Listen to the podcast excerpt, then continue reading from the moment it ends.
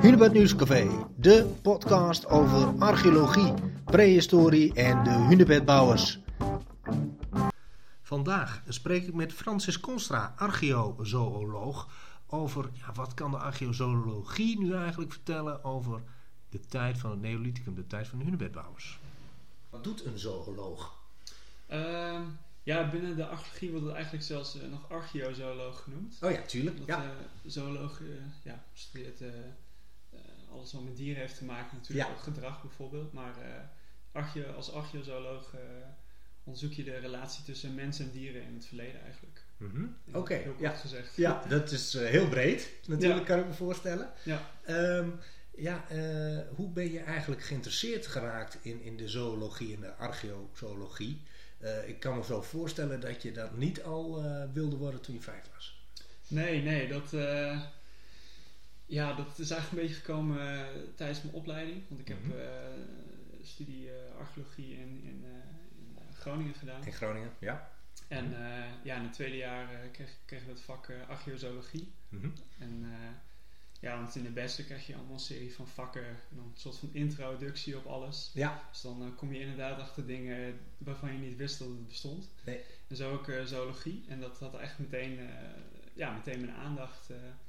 Ja. en eh, ja, dus een theoretisch deel had je en een praktisch deel. En nou, het praktische deel is natuurlijk... eh, dat trekt meteen de aandacht Ja. natuurlijk. Ja, ja. Ehm, maar ja, de, de vragen daarachter vond ik ook heel interessant. En eigenlijk, ja, gaandeweg mijn studie, ja, ben ik telkens wat vaker naar de docent toegesteld van, nou, ik Mhm. wil echt wel iets doen met zoologie. ja. En toen, ehm, ja, dat vond zij ook heel leuk natuurlijk. En ja, zodoende ben ik wat meer in die wereld gekomen en Mooi. ehm, ook wat eh, archeologisch materiaal bekeken al eh, meteen eh, ja, na dat vak. Ja. en, ehm, maar wat, eh, wat ik ook heel leuk vind, waar je dan echt pas later, als, je, als je al wat meer bijvoorbeeld naar congressen bent geweest of onderzoek Ja. hebt gedaan, wat mensen hebt leren kennen in die wereld. Mhm. Dus dat alle mensen, of alle archeozoologen wereldwijd, vind ik heel erg gemoedelijk en heel, ja, heel aardig. Iedereen wil elkaar helpen met, Ja. met, met onderzoek doen en helpen literatuur en identificaties en zo. Oké. Eh, en er is bijvoorbeeld ook een eh, soort van wereldwijde eh, mailinglijst. Oké, dus- dus iedereen die kan gewoon informatie opvragen aan, aan, aan, aan, aan elke archeozooloog waar ook ter wereld. Ja, ja iedereen die, ja. die is ingeschreven in die mailinglijst, dan zie ik weer een keer een foto voorbij komen van, oh wat is dit? Of heeft iemand een idee? En dan gaat iedereen erop reageren. Dus ja, dat vind ik altijd wel heel leuk. eh. Oké, ja, mooi. Eh, dus, eh, nou ja, dan vanuit zo'n vak ga je dan uiteindelijk dus dat vakgebied in. Hm. Ehm, ehm, dus, en, en nu ben je zooloog. Kan ik dat zo zeggen? Archeozooloog, dat ben je. Ja, de- ja, ja. ja, dat, En, en, en, en waar werk je dan? Of waar werk je aan? Wat voor projecten? Of bij welk archeologisch bedrijf? Ehm, ja, als, je kan natuurlijk inderdaad als specialist aan de gang. Maar Mhm. ik, ja, ik heb een aantal, binnen, binnen mijn studie heb ik nog een aantal projecten gehad. Eh, zo, ben ik ook afgereisd naar eh, Turkije bijvoorbeeld en Libanon. Aha. Om daar eh, botten te bekijken van, nou, van verschillende nederzettingen. Mooi. Ehm, ja. Maar ik ben ook nog bezig geweest met eh rest uit Klooster Jesse bijvoorbeeld. Mhm. Misschien dat je dat wel kent. Vlakbij Essen in Groningen. Dat Ja. is een Ja, ja. eerstejaarsopgraving van, van de Universiteit Groningen ook. Ja. En eh, ja, daar heb ik ook eh, materiaal uitgewerkt. En op, eh, op dit moment ben ik nog bezig met de uitwerking van het scheepswrak. Dat eh Ah. Eh Ja? Oh, heeft opgegraven. Ja. Oké. Dus, en dat is voornamelijk visresten zitten daarbij. En dat Hmm. is sowieso voor mij nog Ja. een beetje onbekend terrein. Want het is eigenlijk weer een beetje een specialisatie binnen de zoologie. Ja, Omdat ja, vissen, anatomie is toch weer heel anders dan zoogdieren en vogels bijvoorbeeld. Ja, precies. Dus zo ontwikkel je ook nog weer, eh, weer nieuwe, nieuwe methoden, nieuwe kennis eigenlijk over, eh, over dieren. Wat, eh, wat mooi. Ja, ehm, nou, je kan, de anatomie van een vis is dus heel anders dan, dan van, van, van, andere, van andere dieren. Ehm, ik kan me zo voorstellen dat, dat als ik naar wat, wat resten, dierenresten kijk, dat ik niet ver kom met van welk dier ze zijn. Eh, dus ja, de- volgens mij zijn ze niet zo makkelijk aan elkaar te houden, of wel? Ja, dat, eh, dat hangt er van heel veel factoren af natuurlijk. Maar ja, als je in, in principe van de meest voorkomende huisdieren, dus runderen, schapen, geiten, varkens, uh, paarden en weet ik het wat, Mhm. dat, ehm, daar zijn wel veel methoden voor eh, ontwikkeld. eh, Ja. eh, ja, hebben andere, andere onderzoekers eh, hebben dat al gedaan voor je. En dan met behulp van die methode, met beschrijvingen en foto's waar, eh, naar Ja. welke delen van de botten je moet kijken. Mhm. Eh, en dan ook nog met behulp van een eh, vergelijkingscollectie of een Ja, zo'n referentiecollectie. database als het ware. Ja. Ja, dan, ja, dan kun je eigenlijk al vrij ver komen met... Ja. Want je moet dan echt naar hele specifieke delen kijken van de botten. Van oké, hoe, hoe kan ik zeggen dat dit van een varken is of Ja. van een schaap of een geit of zo. Ja. En ehm, ja, en met, eh, dus het hangt ook een beetje vanaf hoe gefragmenteerd het materiaal nog is. Dus als je echt Ja. een, Ja. klein stukje hebt, dan eh, Wordt het echt eh, heel goed wordt het wel pittig, ja. ja. En kun je ook nog zien of, of een dier wild is of gedomesticeerd, bijvoorbeeld? Kun je dat, zou je dat kunnen achterhalen? Ehm, ja, dat, dat, een, een van de methoden waarop je, waarmee je dat kan doen is kijken met afmetingen. Dus Mhm. ja, als het, als het bot het toelaat, dan eh, ja, proberen we zoveel mogelijk eh, metingen te nemen. Oké. En ehm, ja, als je dan eh, heel veel verschillende metingen hebt van verschillende opgravingen Mhm. en dan ook verschillende tijdsperioden, Ja. dan ehm, kun je daar op een gegeven moment een patroon in zien. Van oké, want, want gedomesticeerde, gedomesticeerde dieren zijn Ja. kleiner. Oké, die, zijn die zijn altijd. Dat is een soort definitie eigenlijk bijna. Ja, ja, dat komt eigenlijk door eh, selectie van de mens natuurlijk. Want eh, je kan je voorstellen dat ehm, ja, als eh, op dat moment eh, overgang van Mesolithicum naar Neolithicum natuurlijk, Mhm. dat eh, dieren dan ja, dat op een gegeven moment mensen op één plek gaan wonen en ook Ja. dieren gaan domesticeren. Mhm. Dan is het natuurlijk handiger om de kleinere en handelbare dieren te kiezen dan de hele grote. En Ja. dat je denkt van nou dat doe ik liever niet. Nee, Dus het is een beetje, onder andere door selectie eh, van mensen, zijn die dieren dus ook kleiner geworden. Ja. superleuk. Ehm, welke vondsten ja, zijn in de laatste jaren nou ehm, echt beroemd geworden vanuit eh, de archeozoologie? Kun je daar een, een voorbeeld van geven die zegt, nou, dat leverde wel aardig wat... eh, Ja, dat, eh, wat, wat ik zelf altijd eh, fascinerend vind zijn de eh, vondsten uit de Noordzee. mhm. Ehm, want ja, dat was eh, vroeger, Ja, om maar even zo. eh, vroeger Ja. was daar natuurlijk Doggerland tussen Engeland en eh, Nederland. En eh, ja, vissersboten die halen geregeld nog wat nou, van alles naar boven, waaronder Mhm. heel veel botten. Ja. En ehm, een van die botten, in, in 2018 was een artikel verschenen. ehm, want er was ook een stuk bot ja, uit de Noordzee gevist. Ja. En, Ja. Dat is op een gegeven moment in de handen gekomen van, van, ook, van, van- ook van een onderzoeker. En die, Mhm. Ja, bot per se was maar een heel klein fragment. Maar het was, een versierd, eh, was versierd door de mens. oké. Ja. Een soort van zigzag geometrisch patroon. En Hm. het was gedateerd tot 13.000 eh, jaar eh, oud. Zo. En Ja. ja. en er waren maar weinig parallellen bekend vanuit die periode, laat paleo- Paleolithicum. Mhm. Ja. Dus dat, dat maakt het dan wel weer extra bijzonder. Dat, eh, Dat je eigenlijk iets in, op de bodem van de zee vindt, goed Ja. bewaard. Eh, en dan eh, dat je daar dan in één keer eh, 13.000 jaar later, eh, of tenminste dat je zo ver terug de tijd in gaat en dat de mens daar ook nog eens een keer eh, bij betrokken is geweest. Ja, Dat is wel ja. bijzonder natuurlijk. ja, dat vind ik altijd wel. eh, want natuurlijk zijn eh, vanuit heel veel verschillende soorten materiaal eh, voorwerpen gemaakt of Ja. versieringen. Op, eh, maar dan eh, als het dan eh, bot is, dan is het voor mij altijd nog inderdaad een beetje een extra, Ja. extra plusje. Dat Ja, ik denk ja, van, ah, dat is wel, eh, wel tof. Ja. Mooi, mooi. Ehm, nou ja, eh, wij van het Hunebedcentrum zijn natuurlijk eigenlijk altijd heel erg geïnteresseerd in met name het Neolithicum, hè, de tijd eh, van, van de Hunebedbouwers, het Trechterbeker volk. Eh, vanuit de archeozoologie, wat kun je daarover zeggen over, over nou ja, het dierenrijk bij wijze van spreken in het Neolithicum?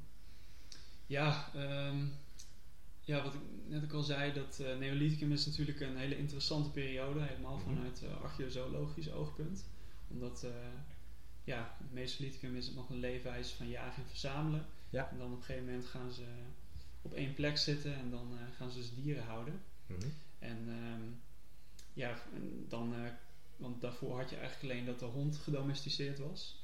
En eh, daarna komen dus ook runderen, schapen, geiten, varkens erbij. Mhm. En ehm, ja, naarmate de tijd verstrijkt in het Neolithicum gaan, wordt het telkens meer.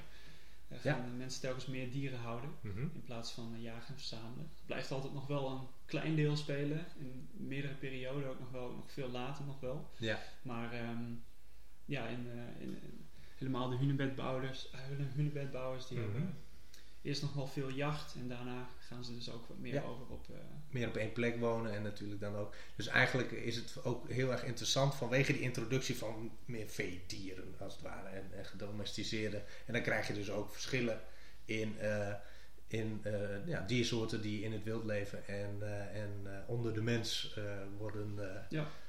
ja, gebruikt als het ware. Ja. Um, nou, je zei al dus dat wat eigenlijk allemaal als vee uh, gehouden werd hè, door de, de hunebedbouwers. Uh, nu weten we natuurlijk van de periode ver daarvoor uh, hele spectaculaire verhalen over wat voor gigantische grote dino-achtige wezens er allemaal leefden. dat was misschien wel helaas niet meer zo in de tijd van hunebedbouwers. Nee. Ehm, waar jaagden de hunebedbouwers het meeste op? Weten we daar iets, iets van? Um, ja, dat, uh, daar moest ik zelf ook eventjes inderdaad naar kijken. Want Hm. daar was ook wel benieuwd naar. Wat, uh, want het probleem natuurlijk is dat heel veel uh, hunebed-nederzettingen of van de Trechterbeek-cultuur die zijn Ja. op de zandruggen. Ja. En het bot blijft niet goed bewaard in nee, zandgronden. Helaas hebben wij niet zo'n goede grond daarvoor. Nee, nee, nee. maar ik, um, ik heb bijvoorbeeld nog wel wat nog, nog even gezocht. En mm -hmm. ook het, territoriumstreek ook nog wel nabij Noord, het huidige Noord-Holland, zeg maar. Bij, ja. En uh, nou, daar hebben ze wel wat, uh, wat betere iets meer gronden, keilemen, iets meer, uh, ja. iets meer ja. betere omstandigheden voor bot. Mm -hmm. Maar daar, ja, daar kwam wel in het voor dat edelhert werd wel gejaagd. En okay. reeën bijvoorbeeld, en Mm -hmm. otters okay. en ja. um, marters. Mm Maar ook een heel groot aandeel in, in, in eenden. Of eendachtige, okay. dus smient, paalstaart, ja. Ja, wilde eenden, een beetje daaraan denken. Okay, ja. ja, er was heel veel bewijs uh, voor gevonden bij die opgraving, uh, in ieder geval daarbij Sloot, Slootdorp. ja. En ja, wat we eigenlijk wel, de interpretaties waren dat het wel een georganiseerde jacht was op, op, eend, op eenden. Ja, oké. Okay. Geval, dus... dus dat het toen al, in die tijd al, de 5000 jaar geleden noem ik dat dan maar eventjes voor het gemak, dat Ja. het toen al georganiseerde eendenjacht was en, en niet alleen voor eigen gebruik. Waarschijnlijk dan. Ja, nee, ik, uh, ja. nee, ik denk het. Ja. Uh, nee, ja, het is een beetje flauw om te zeggen dat je dat allemaal niet in je eentje op kunt dan. Maar uh, ja, nee, um, hartstikke interessant, leuk. je zoologie, dus mens en dier. En eigenlijk het Neolithicum zeg je is eigenlijk, ja, daar begint de tijd dat de mens zich nog meer met dieren gaat bemoeien. En daarom is het, denk ik, voor een archeozooloog zo interessant. Of heb ik dat dan ja. verkeerd als ik dat zo Ja, zeg? klopt ja. ja. Ja, dat is ook een van de domesticatie, is ook een van de meest onderzochte onderwerpen binnen, binnen archeozoologie natuurlijk. Precies Ja. om die reden. Ja. Dat, uh, ja, wereldwijd, niet alleen in Nederland natuurlijk, maar om het hele proces te, te zien hoe dat verlopen is vanuit het, vanuit het oosten, zeg, vanuit het Midden-Oosten en hoe Mhm. dat zich zo, Ja. uh, het huidige Europa uh, en Noordwest-Europa in is. Ja. Ja, super mooi. En uh, je, je, vertelde uh, dat je ook in Turkije uh, onderzoek had gedaan. Ja, klopt. Ja. en in welk gebied was dat? Was dat bij, bij die grote, hoe heet het ook weer? Göbekli Tepe? Ja, was het Nee, daar? nee, Ja, dat was helaas niet daar. toen er bijna over, maar ja. ja. Oké, okay, dat was natuurlijk helemaal Ja, ja, sensationeel dat, uh, geweest. Dat is, echt een, ja. dat is echt inderdaad wat je zegt, een fascinerende Mhm. opgraving is dat. Komt Ja. altijd, nee, dit was, um, dit was echt in, in midden Turkije, vlak, nou, vlakbij, nou, ja, weet je, redelijk vlakbij Ankara zeg maar, dus echt Ja, in midden Turkije. Mhm. Van meer in de bergen ook. Ja, En uh, dat was een uh, ja, ijzertijd nederzetting. Hm. En, maar, um, ja, het was dus in de bergen ook. ja, En eigenlijk uh, die, die, die nederzetting was maar voor een korte tijd bewoond. Dus ik geloof circa 100, 150 jaar. Dus de, ja, wat ze tot dusver weten daar. Oké. ja. Maar uh, dat is dus echt maar... Uh, is heel kort eigenlijk. Het is echt Ja. heel kort, een paar Ja. generaties. En dat, dat vond ik ook wel echt uh, heel interessant. heel, van- heel specifiek. Ja, ja, ook wat, wat, wat kunnen mensen opbouwen bin- in, binnen zo'n generatie. En, Mhm. eh, Ja. en eh, ja, daar heb ik dus ook eh, naar, de, naar de botten gekeken. ja. En eh, wat ook wel interessant was daar, ze hebben daar ehm, eigenlijk een van de weinige banen in het dorp waar we verbleven, van een paar honderd mensen wonen daar, Mhm. was dat, eh, dat ze nog eh, een schapenherder hadden en ook eentje Oh, voor, ja, voor ja. runderen bijvoorbeeld. Dus zij, Mhm. zij gingen ook nog eh, ja, met een V rond trekken. ja, dus s ochtends dan om een uur of zeven, dan verzamelden ze al het vee zeg maar, van iedereen. En dan gingen ze ook zo de bergen in. Dat Ja. geeft toch wel een extra dimensie van Ja. dat je denkt van, nou, dit, dit kan vroeger ook zo zijn gegaan. eh, dat, Ja, ja, de tijd, dat de tijd zelfs misschien een beetje stil heeft gestaan. ja, ja. Eh, mooi. Ehm, je zei al van, nou, eh, eigenlijk ben je vaak dus betrokken bij een, een, een, nou, een wat groter archeologisch project. Bijvoorbeeld als, als een, een scheepswrak. Ja. Ehm, dus je werkt eigenlijk altijd samen. Je, gaat, je puzzelt samen eh, een verhaal bij elkaar, denk ik. Ja, dat, eh, dat is altijd wel, eh, want ja, zoals je zegt, er komt natuurlijk, eh, komt natuurlijk van alles eh, als je zo'n opgraving hebt. eh, Ja. Van aardewerk, glas, eh, botten, Mhm. pollen. Ja. En dan is het inderdaad, eh, dan wordt het eigenlijk altijd eerst gesplitst bij zo'n opgraving. En dan wordt het eigenlijk eh, naar de specialisten gestuurd of die, nou, die gaan ermee bezig. Ja. En dan vanuit hun eh, specialisatie kijken zij ernaar. En dan samen met eh, vaak de, de, degene die de opgraving heeft geleid, dus Mhm. in dit geval eh, zo'n scheepswrak, een maritiem archeoloog. Ja.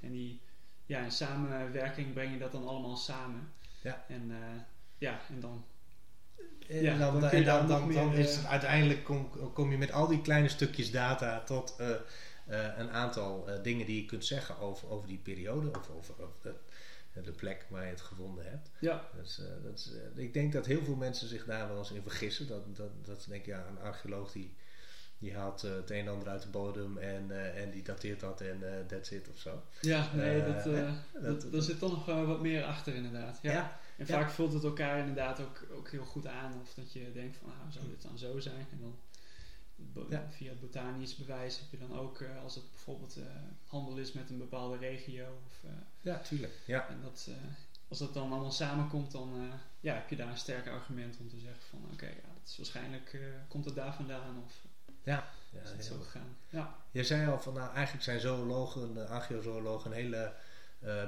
een bijzondere ondersoort, zou ik maar zeggen. Want die delen altijd alles met elkaar. Dus jij krijgt regelmatig foto's opgestuurd van ergens in de wereld. En eh, kun, je, eh, kun je er dan soms ook wat zinnigs over zeggen? Dat je denkt, hé, hey, wacht eens. Ik, volgens mij herken ik hier iets. Ik reageer er gewoon op. Of, Ehm, ja, soms denk ik wel van, eh, nou, dit, dit, dit ben ik net tegengekomen of Ja. eh, hier heb ik ook eh, moeite mee gehad. Of, eh, maar dat, eh, ik moet zeggen, er zijn altijd al heel veel mensen die heel snel zijn in het reageren. Dus eh, Ja.